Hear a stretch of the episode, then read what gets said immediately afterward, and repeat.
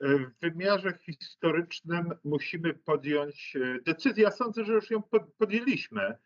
E, czy chcemy być e, gubernią wielkiego stepowego imperium rosyjskiego, czy też właśnie tym Fortem Ameryka i marchią, marchią Zjednoczonej, Zjednoczonej Europy.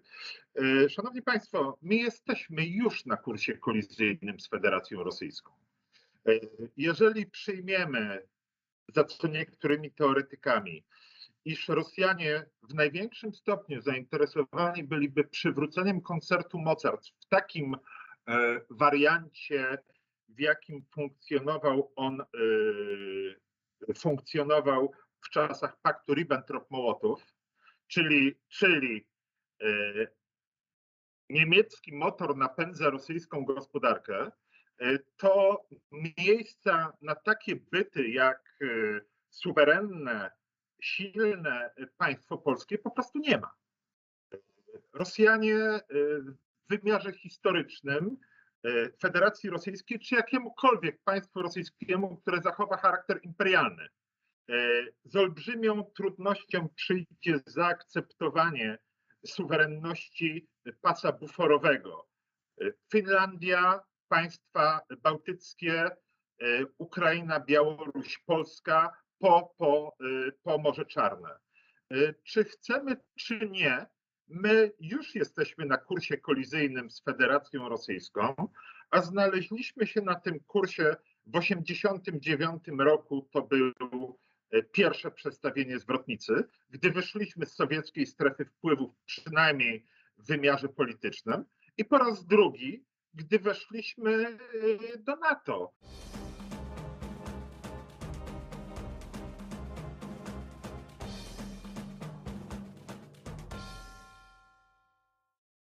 Dzień dobry Państwu. Łukasz Wyszyński i Paweł Kusiak. Witamy na kanale Stosunki Międzynarodowe Akademii Marynarki Wojennej. W dniu dzisiejszym chcielibyśmy przybliżyć Państwu koncepcję państwa średniego i porozmawiać o tym, czy Polska powinna, czy ma szansę takim państwem się stać, taką ideę realizować. W związku z tym jest mi niezmiernie miło już po raz trzeci na naszym kanale powitać naszego gościa, pana profesora Krzysztofa Kubiaka, politologa, historyka wojskowości, ale także kierownika Zakładu Bezpieczeństwa Międzynarodowego w Instytucie Nauk o Bezpieczeństwie Uniwersytetu Jana Kochanowskiego w Kielcach. Panie profesorze, bardzo dziękujemy po raz kolejny za przyjęcie zaproszenia. To dla nas duża przyjemność, że możemy po raz kolejny z panem porozmawiać. Dzień dobry panom, dzień dobry państwu. Cała przyjemność po mojej stronie. Jak zwykle zresztą. My zaprosiliśmy pana profesora do tej rozmowy po trosze dlatego, że y, z koncepcją państwa średniego w polskim dyskursie politologicznym, no pana nazwisko jest współcześnie bardzo często y, kojarzone. No i żeby nie, no na początku musielibyśmy to uporządkować, więc pierwsze pytanie, panie profesorze, czy zechciałby pan wyłożyć ogólnie, o czym mówimy, co to jest koncepcja państwa średniego i jakie jest jej y, znaczenie we współczesnej interpretacji politologicznej, interpretacji stosunków międzynarodowych? Y, to może dwa wątki. Koncepcja państwa średniego narodziła się e, z inspiracji generała Bolesława Balcerowicza, który rozpatrywał czy wprowadził pojęcie e, sił zbrojnych czy potencjału militarnego państwa średniego. To było pionierskie, miało to miejsce w tym bardzo, bardzo ciekawym czasie dla polskiej myśli strategicznej, który nastąpił po wyjściu z Układu Warszawskiego, a przed wstąpieniem do NATO i Unii Europejskiej, gdzie de facto musieliśmy na nowo zredefiniować swoją pozycję w, na europejskiej szachownicy. Ja postanowiłem, postanowiłem rozszerzyć tę koncepcję państwa średniego nie tylko na zagadnienia militarne, e, ale również na zagadnienia polityczne. E, ująłbym to w moim rozumieniu tak. Państwo średnie jest swego rodzaju odpowiedzią na wzrastającą turbulentność otoczenia międzynarodowego. W warunkach e, spokoju, w warunkach końca historii nie było w zasadzie potrzeby formułowania koncepcji państwa średniego, jako że e, rozwój założono, że będzie miał charakter liniowy i niezakłócony. Natomiast gdy pojawiają się czarne chmury i wysokie fale, a pojawiają się, wówczas w takiej sytuacji nie możemy li wyłącznie liczyć na pewną inercję i bezpieczeństwo budowane w ramach systemu ogólnego, musimy zadać sobie pytanie, kim jesteśmy, jakim potencjałem dysponujemy i co możemy, co możemy uczynić. W moim rozumieniu państwo średnie to jest, posłużę się analogią, to jest w przypadku Polski państwo zbyt duże na region, a zbyt małe na Europę. Czyli to jest państwo, które dysponuje możliwością samodzielnego kształtowania przestrzeni wokół siebie, ale jednocześnie jest zbyt małe, by samodzielnie kreować autonomiczne wątki w przestrzeni międzynarodowej. To jest troszeczkę to stwierdzenie za małe na region, za duże na Europę. To jest oczywiście parafraza jednej z definicji Niemiec, które są za duże na Europę, a za małe na świat. Musimy odpowiedzieć sobie na pytanie, co jest naszym długofalowym celem i jakich środków jesteśmy gotowi użyć, by ten cel osiągnąć. To legło u fundamentu całej koncepcji państwa średniego. Panie profesorze, można więc zaryzykować stwierdzenie, że koncepcja państwa średniego jest jakby trochę odpowiedzią, albo poniekąd nawet w kontrze do koncepcji, czy też założeń realizmu w stosunkach międzynarodowych, koncertu mocarstw, gdzie tylko tak naprawdę te najsilniejsze podmioty decydują o tym, jak będzie wyglądała polityka międzynarodowa, czy też system międzynarodowy w wymiarze globalnym i regionalnym, no bo tutaj jak się domyślam, chodzi nam o to, żeby jednak pokazać, że państwa średnie, czyli te państwa no, mimo wszystko słabsze, o mniejszym potencjale niż mocarstwa, mimo wszystko mogły odgrywać istotną rolę. I nie można uciec od pytania, które myślę, że nasuwa się zarówno nam, jak i naszym widzom. Czy w ocenie pana profesora Polska jest albo czy może być państwem średniej wielkości? I znów kilka wątków. Nie ulega żadnej wątpliwości, że koncepcja państwa średniego pozostaje w kontrze do realizmu politycznego według wykładu, który tej koncepcji nadał na przykład Meschheimer. Fetowany w Polsce to fetowanie amerykańskiego teoretyka będącego jest dla mnie czymś w rodzaju, czymś w rodzaju swoistego absurdu. Jako, że fetujemy teoretyka, który sugeruje nam, że powinniśmy podporządkować się woli mocarstw. Czynienie z niego guru w stosunkach międzynarodowych jest z polskiego punktu widzenia co najmniej kontrskuteczne. Być może wypływa to z tego, że przez cały okres komunistyczny część elity przyuczono do oczekiwania do oczekiwania na instrukcje płynące z centrum zewnętrznego. I te oczekiwania ukształtowane w okresie komunistycznym zostały automatycznie przełożone na nową rzeczywistość. Głębiej sięgając, to jest fenomen, który Fromm opisuje w ucieczce od wolności. Nie możemy uciekać od odpowiedzialności za siebie, jako że scedowanie odpowiedzialności za nasze bezpieczeństwo na koncert mocarstw nie gwarantuje, iż nasz interes będzie, będzie, iż nasze zdanie będzie wysłuchane, a nasz interes będzie, będzie uwzględniony. To jest jedna, jedna kwestia. Czy Polska jest państwem średnim?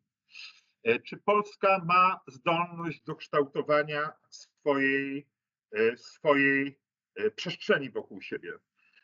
Szanowni panowie, szanowni państwo, to jest kwestia co najmniej trzech czynników. To zasobów twardych, choćby tych kreowanych przez geografię, takich jak położenie, układ szlaków komunikacyjnych, sieć rzeczna, dostępność do arterii morskich. Druga, drugi element to jest zamożność, poziom rozwoju gospodarczego, E, Trzeci element to jest atrakcyjność państwa średniego, e, czy atrakcyjność modelu, który e, oferujemy w przestrzeni, w przestrzeni międzynarodowej dla naszych e, sąsiadów. E, I tutaj chciałbym powiedzieć, że to jest kolejny polski paradoks. W ocenie Białorusinów, Ukraińców, Gru- e, Gruzinów, Tadżyków, e, Bułgarów, Macedończyków, e, ocena Polski jest znacznie lepsza niż e, w oczach większości Polaków. E, Mamy jakiś kompleks niedostatecznie wyróżnianego e, prymusa. Z punktu widzenia mieszkańców e, Bałkanów, większości krajów bałkańskich, bałkańskich, ja nie mówię o Słowenii, ale mówię o Czarnogórze, mówię o Macedonii, nie mówiąc już o przestrzeni posowieckiej, Polska jest przy, Polska jest kapitalnym przykładem państwa, które odniosło sukces. E, Rozmawiając e, w tej przestrzeni, co jest miarą tego sukcesu? Dla naszych e, sąsiadów miarą tego sukcesu jest choćby to, że nie dopuściliśmy do oligarchizacji gospodarki. Panowie z tych obszarów zastanawiają się, w jaki sposób Wam, Polacy, udało się nie dopuścić do tego, że scena polityczna została zdominowana przez oligarchów. Jak żeście to osiągnęli? I, i w, natomiast jeżeli już spełniamy te wymogi, to kolejna kwestia kluczowa to jest to, czy e, poziom świadomości społecznej e, stawia nas e, w kategorii państwa średniego. To jest rzecz bardzo miękka. To jest pytanie, czy my sami postrzegamy się jako czynnik sprawczy, władny w przestrzeni międzynarodowej, czy też chcemy oczekiwać dyrektyw i pogrążać się w takim marazmie wyrażanym słowami e, w tym kraju, to jest dość charakterystyczne, w tym kraju na pewno się nic nie uda. E, To jest kwestia wyborów, które podejmuje zarówno elita, jak i obywatele y, w akcie wyborczym. Moim zdaniem e, dysponujemy wszystkimi atutami, e, atutami, by odgrywać rolę państwa średniego, być może z deficytem poczucia tej sprawczości w przestrzeni międzynarodowej. Nauczeni zostaliśmy, e, czy ukształtowani zostaliśmy w e, takim paradygmacie ustawicznej pogoni. To my musimy gonić, nadganiać. Dzieli nas jeszcze 40% PKB. Natomiast jeżeli odwrócimy się w drugą stronę, to nasze osiągnięcie dla naszych sąsiadów, tam gdzie chcemy dokonywać projekcji miękkiej siły, nasze osiągnięcia są, nasze osiągnięcia są interesujące. Gwarantujemy niezły poziom służby zdrowia, niezłą transparentność e, procedur publicznych, e, stosunkowo wysoki poziom wolności obywatelskich, e, niski poziom korupcji. Z punktu widzenia Białorusina, Ukraińca, Gruzina, to są te elementy, które stanowią o polskim potencjale przyciągania. Oczywiście to nie jest państwo skandynawskie, z którym chcielibyśmy się zestawiać. To nie jest państwo socjalne. Znajdujemy się gdzieś w połowie drogi i możemy ten atut e, usytuowania pomiędzy bardzo dobrze wykorzystać. Y, Właśnie, panie profesorze, niejako przekleństwem przez stulecia naszej historii było, pewnie jest dalej położenie geograficzne. Przekleństwem, ale również i zaletą. Ale w ostatnim, po, po roz- rozpoczęciu rosyjskiej inwazji na Ukrainę, zaczęliśmy o tym znowu myśleć w kontekście y, raczej niedogodności niż, y, niż siły. I tu bym chciał, rozmawialiśmy o tym z panem profesorem y, no już, już tak naprawdę dwukrotnie, ale chciałbym do tego pytania wrócić, no bo to jest wydarzenie, to jest fenomen, który dzieje się na naszych oczach. Jak rosyjska inwazja na Ukrainę w pana ocenie wpływa na to, czy my czujemy się, albo może będziemy się pragnęli czuć, yy, realizować tą ideę, ja bym nawet tak powiedział, ideę bycia państwem średnim, bo odróżniłbym to od koncepcji, która jest osobno teore- zbiorem teoretycznych założeń. Jak pan, czy my w tym kontekście możemy to interpretować? E, Sądzę, że tak, aczkolwiek zwróciłbym uwagę na bardzo niebezpieczny fenomen, mianowicie na to, że wojna na Ukrainie już nam spowszedniała. E, Jeżeli to kilkaset dni temu to był szok, to obecnie zaczynamy się przyzwyczajać do sytuacji, że e, obszar położony na wschód od nas płonie. staje się to dla nas codziennością, a ponieważ powszednieje, to, zwalnia to zwalniamy się w ten sposób od obowiązku myślenia na ten temat. Natomiast sądzę, że to jest ta sytuacja, jak najbardziej eksponuje znaczenie państwa średniego, jako że choćby biorąc pod uwagę natowskie ugrupowanie wojskowe, w przypadku zagrożenia militarnego, e, które może zaistnieć w odniesieniu do państw bałtyckich, e, Polska winna pełnić rolę naturalnego eksportera bezpieczeństwa. E, należy pogodzić się, należy zaakceptować taką myśl i nie jest to żadna fanfaronada, że wojsko polskie bronić będzie interesów polskich pod Narwą albo pod Rygą. To wymaga zmiany myślenia proszę zwrócić uwagę, jak często w tych dyskusjach pojawiło się, pojawiało się e, publicystyczne pytanie, czy NATO zdoła nas obronić? E, nie czy my zdołamy się obronić, ale czy NATO zdoła nas obronić? No to teraz postawmy się w sytuacji Estończyka albo Łotysza. On, oni też się pytają, czy NATO zdoła nas obronić. NATO, czyli kto? Czyli również Polska. E, postawmy się w tej perspektywie. Nie możemy pełnić roli e, li i jedynie biorcy bezpieczeństwa.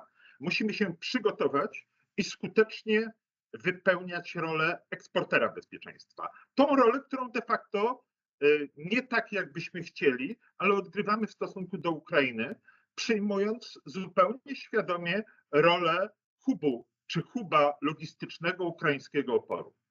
E, natomiast my to robimy, ale do świadomości wyborców, do świadomości społecznej e, jeszcze to nie dociera.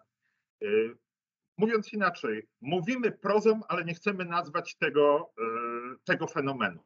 Tak, musimy, ta rola państwa średniego jest tutaj kluczowa.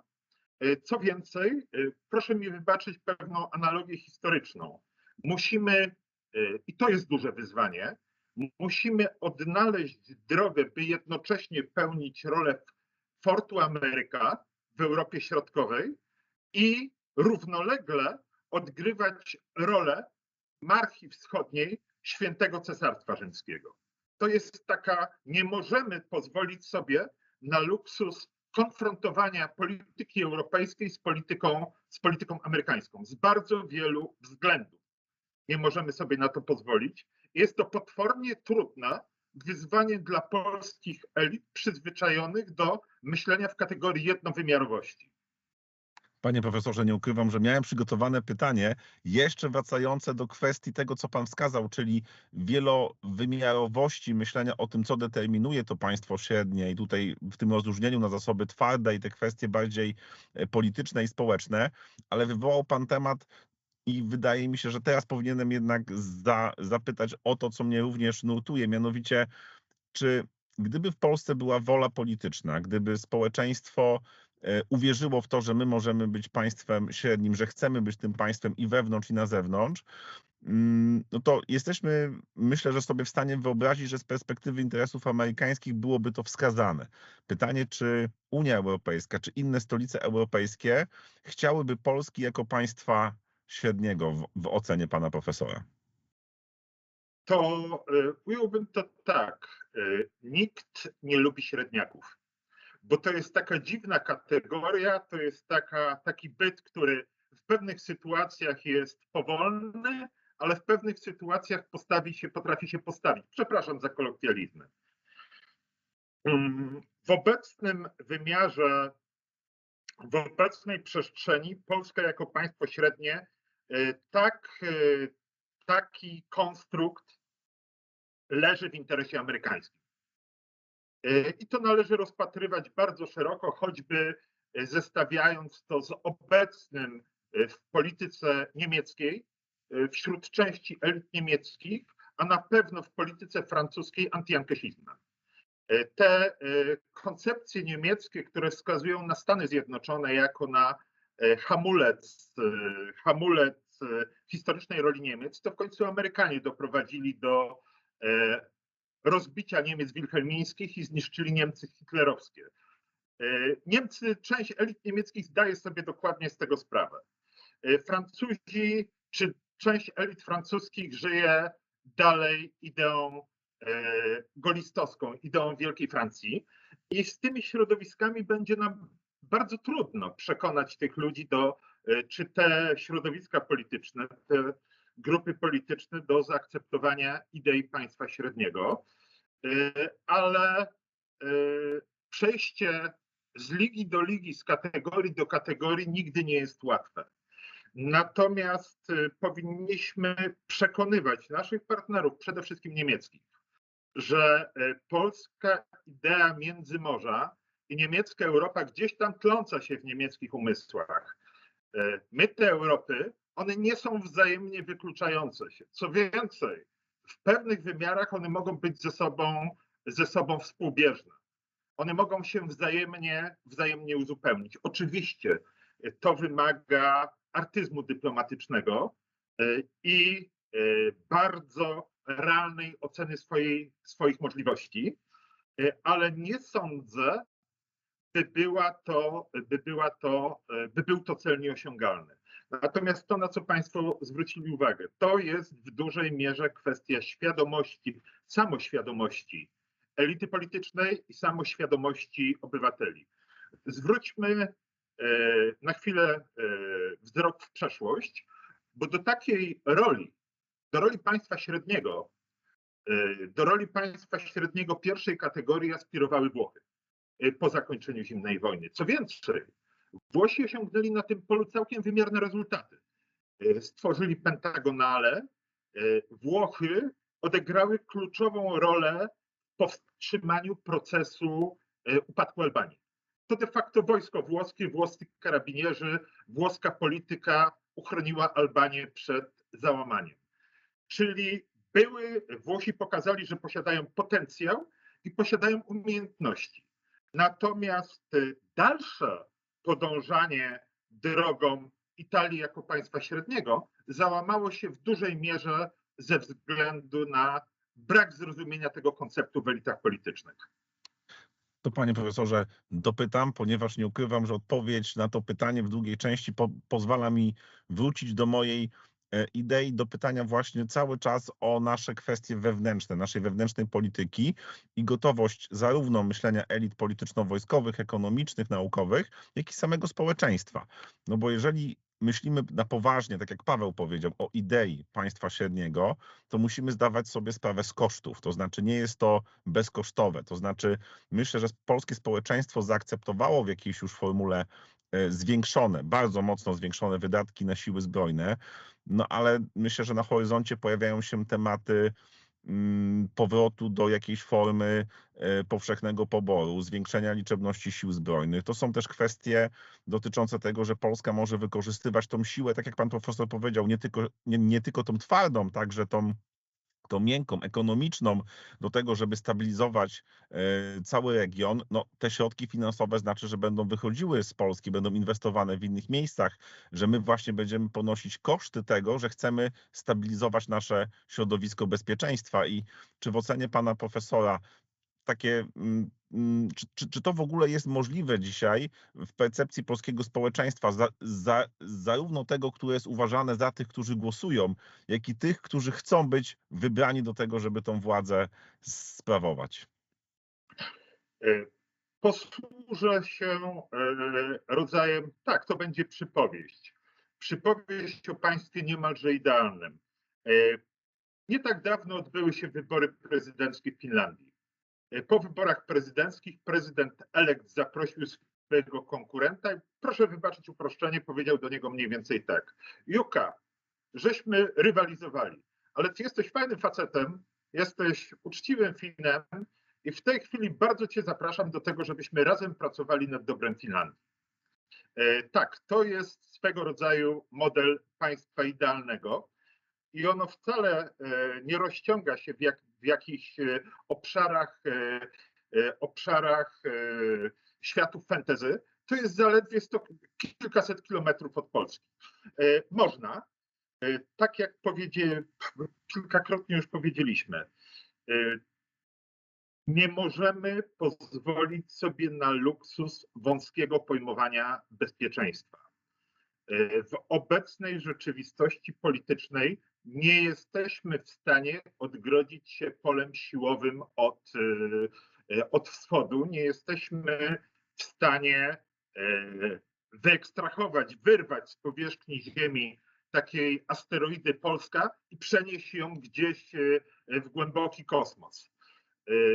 Funkcjonujemy w obrębie bardzo złożonych, często nie do końca rozpoznanych uwarunkowań międzynarodowych. W związku z tym inwestowanie w bezpieczeństwo również poza granicami, inwestowanie w utrzymywanie, najprostsze, w utrzymywanie kontyngentów wojskowych, inwestowanie w budowanie powiązań gospodarczych, od tych, od tych najbardziej banalnych, poprzez od sieci energetycznych, sieci kolejowych i sieci drogowych. To jest choćby Via Baltica, to są mosty energetyczne z sąsiadami. To jest element tego wielkiego wysiłku, który nazywa się budowaniem bezpieczeństwa. To są wreszcie, to są wreszcie wydatki, które z punktu widzenia pojedynczego podatnika są gigantyczne, ale, ale w skali państwa są niewielkie. To jest może pytanie, które zostanie uznane za bardzo populistyczne albo demagogiczne. Ilu, ilu białoruskich lekarzy można wykształcić za cenę jednego śmigłowca AH-64? Ci ludzie albo pozostaną w Polsce, albo wrócą do swojego kraju i będą, będą w jakiś sposób, jeżeli spełnimy minimalne warunki, orędownikami przynajmniej utrzymania, utrzymania poprawnych stosunków z Polską. Wadą na przykład polityki stypendialnej jest to, że nie da się zrobić z tego spektakularnego, spektakularnego wydarzenia medialnego. Ale to również w tych kategoriach trzeba, trzeba rozpatrywać. Panie profesorze, rozmawiamy kilka dni po bardzo głośnym wywiadzie, którego Władimir Putin udzielił takiemu popularnemu amerykańskiemu dziennikarzowi. W żadnym wypadku nie chcę tego wywiadu tutaj omawiać, bo zrobiło to bardzo wiele osób i można znaleźć lepsze analizy, ale tam Polska pada wiele razy. Ten wywiad w ogóle przeczy tezie, jakoby Rosjanie się Polską nie interesowali, wręcz można odnieść zupełnie odwrotne wrażenie. I tam Putin wypowiada takie słowa, w żadnym wypadku nieuspokajające, że Rosja w żadnym wypadku Polski nie zaatakuje, o ile Polska nie zaatakuje Rosji. Kiedy cofniemy się do 2021 roku, też o tym z Panem rozmawialiśmy przy okazji naszych poprzednich rozmów, mówiliśmy o ultimatum Ławrowa z końca 2021 roku. To ultimatum poprzedzało rosyjską inwazję na Ukrainę, a tak naprawdę, gdyby je konsekwentnie zrealizować, no to ono nawet nie w długiej perspektywie, ale krótkiej prowadziło do czegoś, co Rosjanie określają neutralizacja Europy Środkowo-Wschodniej, neutralizacja Polski. I teraz klamra do pytania, czy nie sądzi Pan, że te aspiracje do bycia państwem średnim, jeżeli my byśmy byli w stanie ten potencjał, który mamy, ukierunkować, no one to nieuchronnie prowadzi nas na kurs kolizyjny z Federacją Rosyjską i znajdą się tacy w naszym kraju, którzy powiedzą, no, że to jest tak naprawdę doprowadzenie do kolejnej katastrofy dziejowej, bo my tak naprawdę jesteśmy narzędziem polityki innych mocarstw zachodnich, Stanów Zjednoczonych, Wielkiej Brytanii, kogoś tam jeszcze i tak naprawdę nie jesteśmy w tym wymiarze suwerenni. Jakby pan się do tego odniósł? W wymiarze historycznym musimy podjąć decyzję. Ja sądzę, że już ją podjęliśmy. Czy chcemy być gubernią wielkiego stepowego imperium rosyjskiego, czy też właśnie tym Fortem Ameryka i marchią, marchią Zjednoczonej, Zjednoczonej Europy. Szanowni Państwo, my jesteśmy już na kursie kolizyjnym z Federacją Rosyjską. Jeżeli przyjmiemy, za co niektórymi teoretykami, iż Rosjanie w największym stopniu zainteresowani byliby przywróceniem koncertu mocarstw w takim wariancie, w jakim funkcjonował on, funkcjonował w czasach paktu Ribbentrop-Mołotow, czyli, czyli niemiecki motor napędza rosyjską gospodarkę, to miejsca na takie byty jak suwerenne, silne państwo polskie po prostu nie ma. Rosjanie wymiarze historycznym e, Federacji Rosyjskiej, czy jakiemukolwiek państwu rosyjskiemu, które zachowa charakter imperialny. E, Z olbrzymią trudnością przyjdzie zaakceptowanie suwerenności pasa buforowego. E, Finlandia, państwa bałtyckie, e, Ukraina, Białoruś, Polska po, po, e, po Morze Czarne. E, Czy chcemy, czy nie, my już jesteśmy na kursie kolizyjnym z Federacją Rosyjską, a znaleźliśmy się na tym kursie w 1989 roku. To był e, pierwsze przestawienie zwrotnicy, gdy wyszliśmy z sowieckiej strefy wpływów, przynajmniej w wymiarze politycznym, i po raz drugi, gdy weszliśmy e, do NATO. E, Tutaj nie ma co do tego wątpliwości, że z punktu widzenia Rosji, proeuropejska, związana traktatami atlantyckimi Polska e, jest z punktu widzenia Kremla bytem e, wrogim, a co, naj, co najmniej traktowanym niechętnie.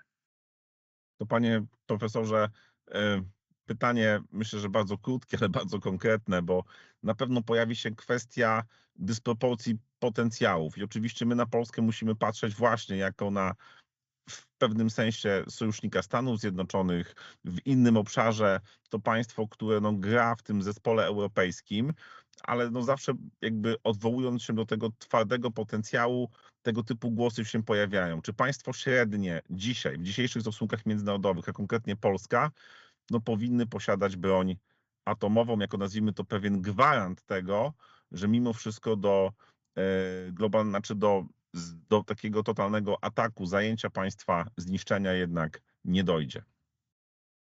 E, W tej chwili e, bardzo ostrożnie podchodziłbym do jakichkolwiek nawet e, spekulatywnych koncepcji zmierzających ku łamaniu pewnego porządku nuklearnego.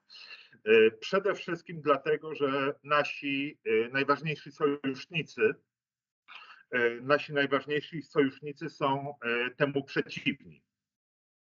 E, Proszę zwrócić uwagę, wy, należałoby bardzo poważnie, zresztą mówiliśmy o tym poprzednio, e, przeanalizować, e, przeanalizować partycypację w nuclear sharing, natomiast natowskim e, czy amerykańskim, natomiast dalsze decyzje w dużej mierze zależeć będą od tego, co dzieje się, e, co dzieje się w Europie i na świecie.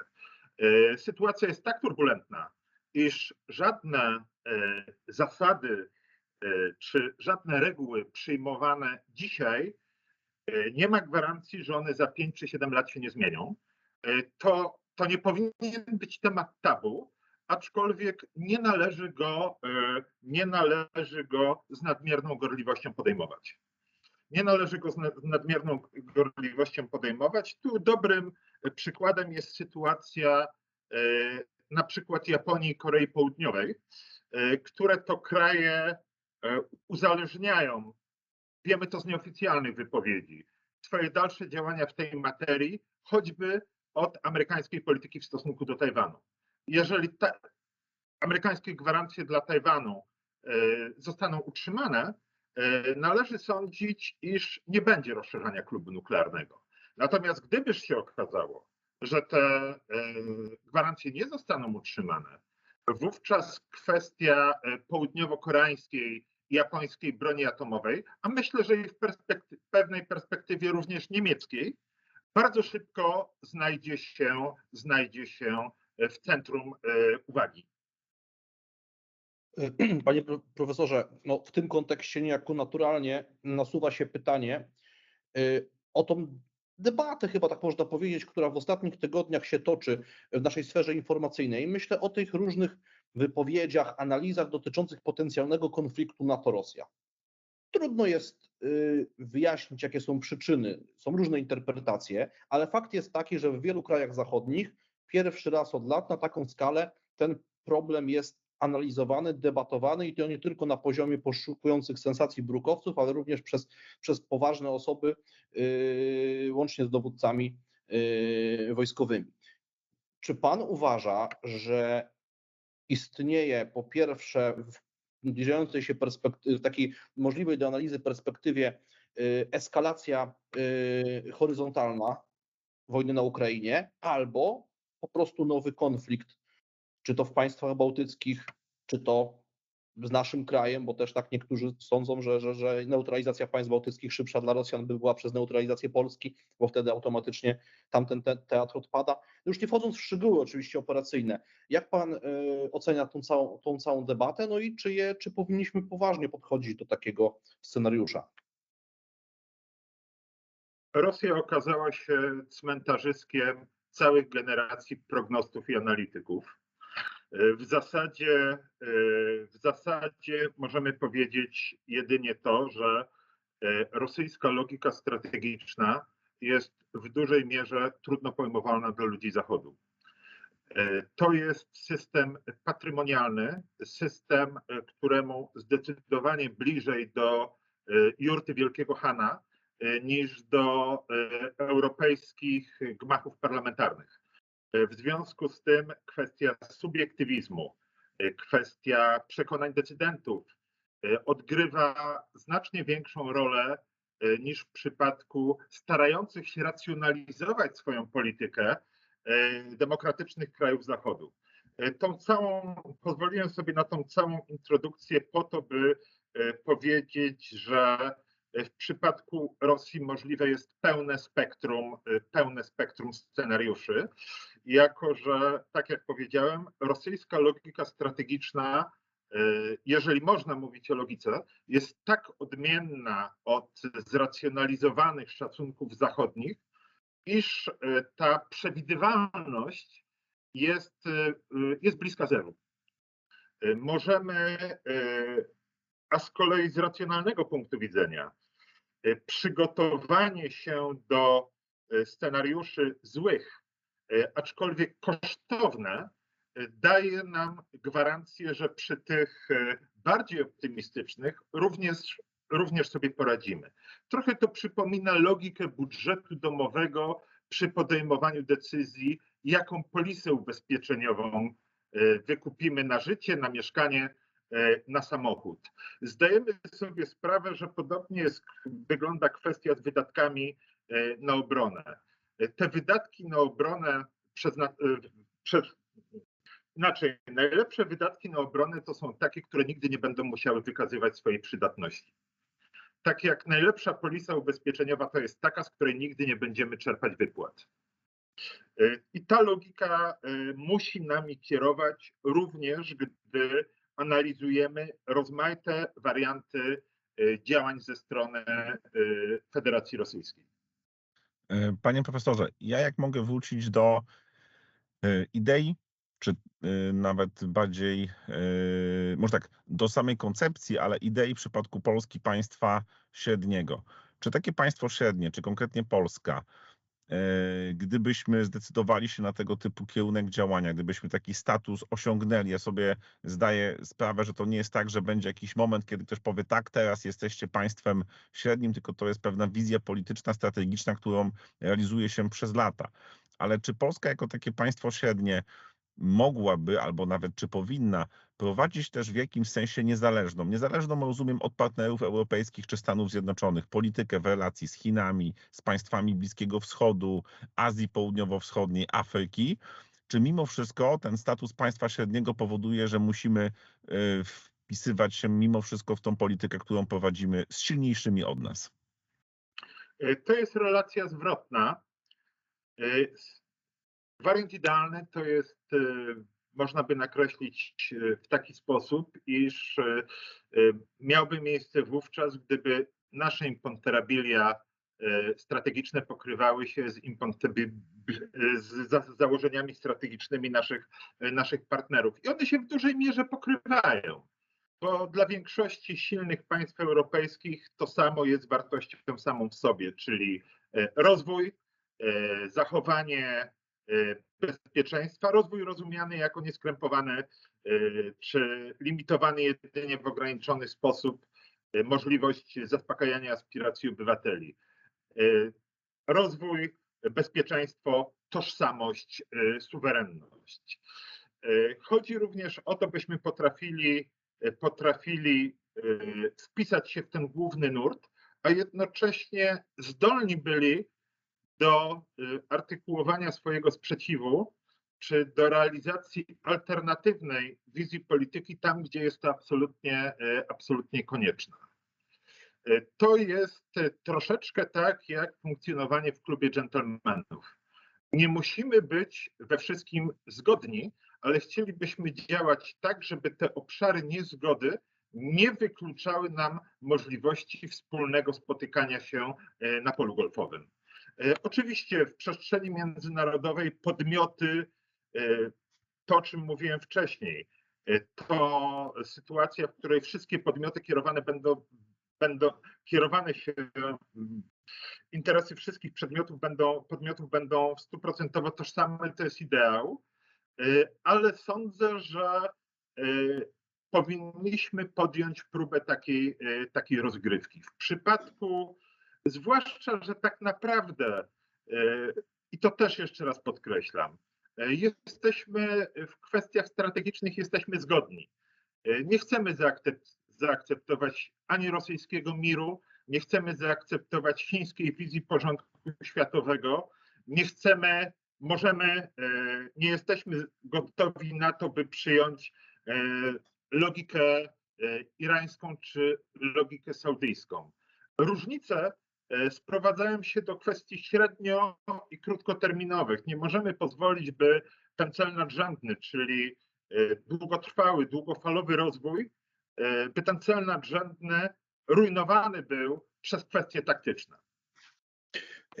Panie profesorze, no, wydaje się, że takim elementem, który, mm, no, gdzie mamy chyba jakiś nie chciałbym tak oceniać y, może y, z wysokiego poziomu, ale gdzie mamy szczególny deficyt, jest ta kultura strategiczna. To, co zwykło się określać w dyskursie mianem kultury strategicznej. I tu nieuchronnie zderzamy się z problemem edukacji. Pan o tym mówił na samym początku, o tym doświadczeniu pewnie zaborów, później tego okresu komunizmu, socjalizmu, czy jak to nazwiemy, okresu podległości, bycia w strefie wpływów sowieckich. Y, ale w ogóle nasza państwowość przechodziła bardzo wiele kryzysów w ostatnich stuleciach. To nie był jedyny y, y, hekatomba elit w okresie II wojny światowej. Zmierzam do tego, że Polska, żeby to myślenie w charakterze no właśnie polskiej racji stanu, wypełniając to, realizując tą ideę państwa średniego mogło zaistnieć, no te elity muszą myśleć w tych kategoriach. I pierwsze pytanie, czy w Pana ocenie myślą, bo my lubimy się biczować, piętnować, y, ale przecież to też tak nie zawsze jest, posługujemy się stereotypami, a po drugie, co my możemy robić, żeby y, kształtować myślenie o naszym państwie w kategoriach podmiotu, który jest zdolny y, kształtować swoje otoczenie zewnętrzne w sposób zwiększający jego bezpieczeństwo i poprawiający jego sytuację strategiczną.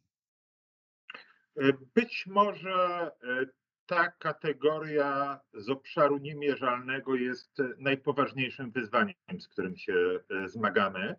E, jako, że tradycyjnie polski dyskurs strategiczny, a i polityczny rozdarty jest między sprzecznością e, fanfaronady i głębokiego wstydu. Bardzo trudno nam racjonalizować swoje, swoje podejście, czy racjonalizować swoje oczekiwania. Y, może wykaże się daleko idącym optymizmem, może naiwnością, y, ale postawiłbym tezę, że pierwszym warunkiem y, byłoby wypracowanie przez wiodące siły polityczne obszaru pewnego strategicznego konsensusu. Strategicznego konsensusu, którego cele ustalone mają charakter ponadkadencyjny, wieloletni. Y, chodzi po prostu o to, by po każdym, po każdym zakończeniu czteroletniego sezonu y, nie definiować po raz kolejny interesu, interesu strategicznego. Wydawać by się mogło, że po wybuchu wojny na Ukrainie w trakcie głosowania ustawy o e, obronie ojczyzny, że pewne, e, pewna krystalizacja potrzeby wypracowania takiego kompromisu e, zaistniała. W tej chwili już trochę wiele z tego mojego optymizmu wyparowało. Ale mają panowie rację, że to jest przede wszystkim konieczność wprowadzenia rozmaitych tematów na forum dyskursu bez, y, bez y, y, stygmatyzowania tych zagadnień. Trzeba by, trzeba by pomyśleć nad spokojną, racjonalną dyskusją, choćby na, e, na temat e, czy poboru, e, czy pozyskiwania środków dalekosiężnego rażenia albo głębokie, głębokiego rażenia. To jest kwestia wyeliminowania tych postaw skrajnych typu, typu e, takiego pogardliwego rzucania uwag. E, to jest fanfarunada albo e, to jest chyba charakterystyczne dla części polskich elit, nie pobrzękuj ta szabelką. Co to jest to pobrzękiwanie szabelką? Usiłuję od 15 lat ustalić. Ani szabli, ani pobrzękiwania nie słyszę. To jest pod, taka etykieta bardzo podobna jak nazywanie oponenta faszystą. E, Faszyści pobrzękujący e, szabelką, czyli nie chcemy dyskutować, sprowadzamy wymianę poglądów do warstwy, do warstw, warstwy emocji. Z drugiej strony to jest wprowadzenie do dyskursu kategorii ruskich onucy, czyli nie ośmielaj się myśleć inaczej, bo, bo rujnujesz naszą bańkę. To jest e, chyba pierwsza kwestia. Dalej, o tym też wielokrotnie mówiłem i pisałem, to jest e, potrzeba e, państwowego, niepolitycznego ośrodka analityczno-prognostycznego, zapewniającego z jednej strony ciągłość wysiłku, a z drugiej strony wolnego od ryzyka ukształtowania się swoistej, swoistej e, zasklepionej w swoich poglądach arystokracji naukowej w obrębie bezpieczeństwa. E, Mamy więc e, sporo do zrobienia, ale przede wszystkim musimy przebić się przez tą e, skorupę codzienności. Jako, że gdybyśmy w tej chwili e, zaczęli udostępniać na ekranie plansze startowe czołowych polskich na przykład portali internetowych, doszlibyśmy do wniosku, że w zasadzie zaniknął już, e, zaniknął już e, fenomen medium informacyjnego. Te wszystkie media stały się infotainmentowe. E, Rozrywka wymieszana jest z informacją, a perspektywa jest i do przodu, i wstecz kilkudniowa. Czyli jakość informowania, jakość dyskursu, jakość rozmowy, konieczność zbudowania właśnie nie e, ośrodka, który e, wolny od ryzyka popadnięcia e, w entertainment będzie prowadził w przystępny sposób e, rozważania na temat bezpieczeństwa. Żyjemy w bardzo dziwnym kraju, w którym, e, w którym za kwestie bezpieczeństwa biorą się publicyści nie, nieobciążeni odpowiedzialnością.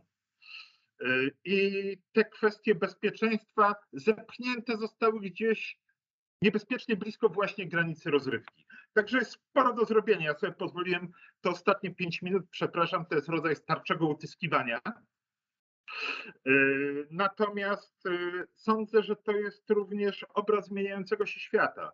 Jesteśmy zalewani coraz większą ilością informacji i istnienie struktury e, odpowiedzialne, odpowiedzialnej niejako statutowo za odsiewanie informacji od rozrywki jest chyba stosunkowo ważna.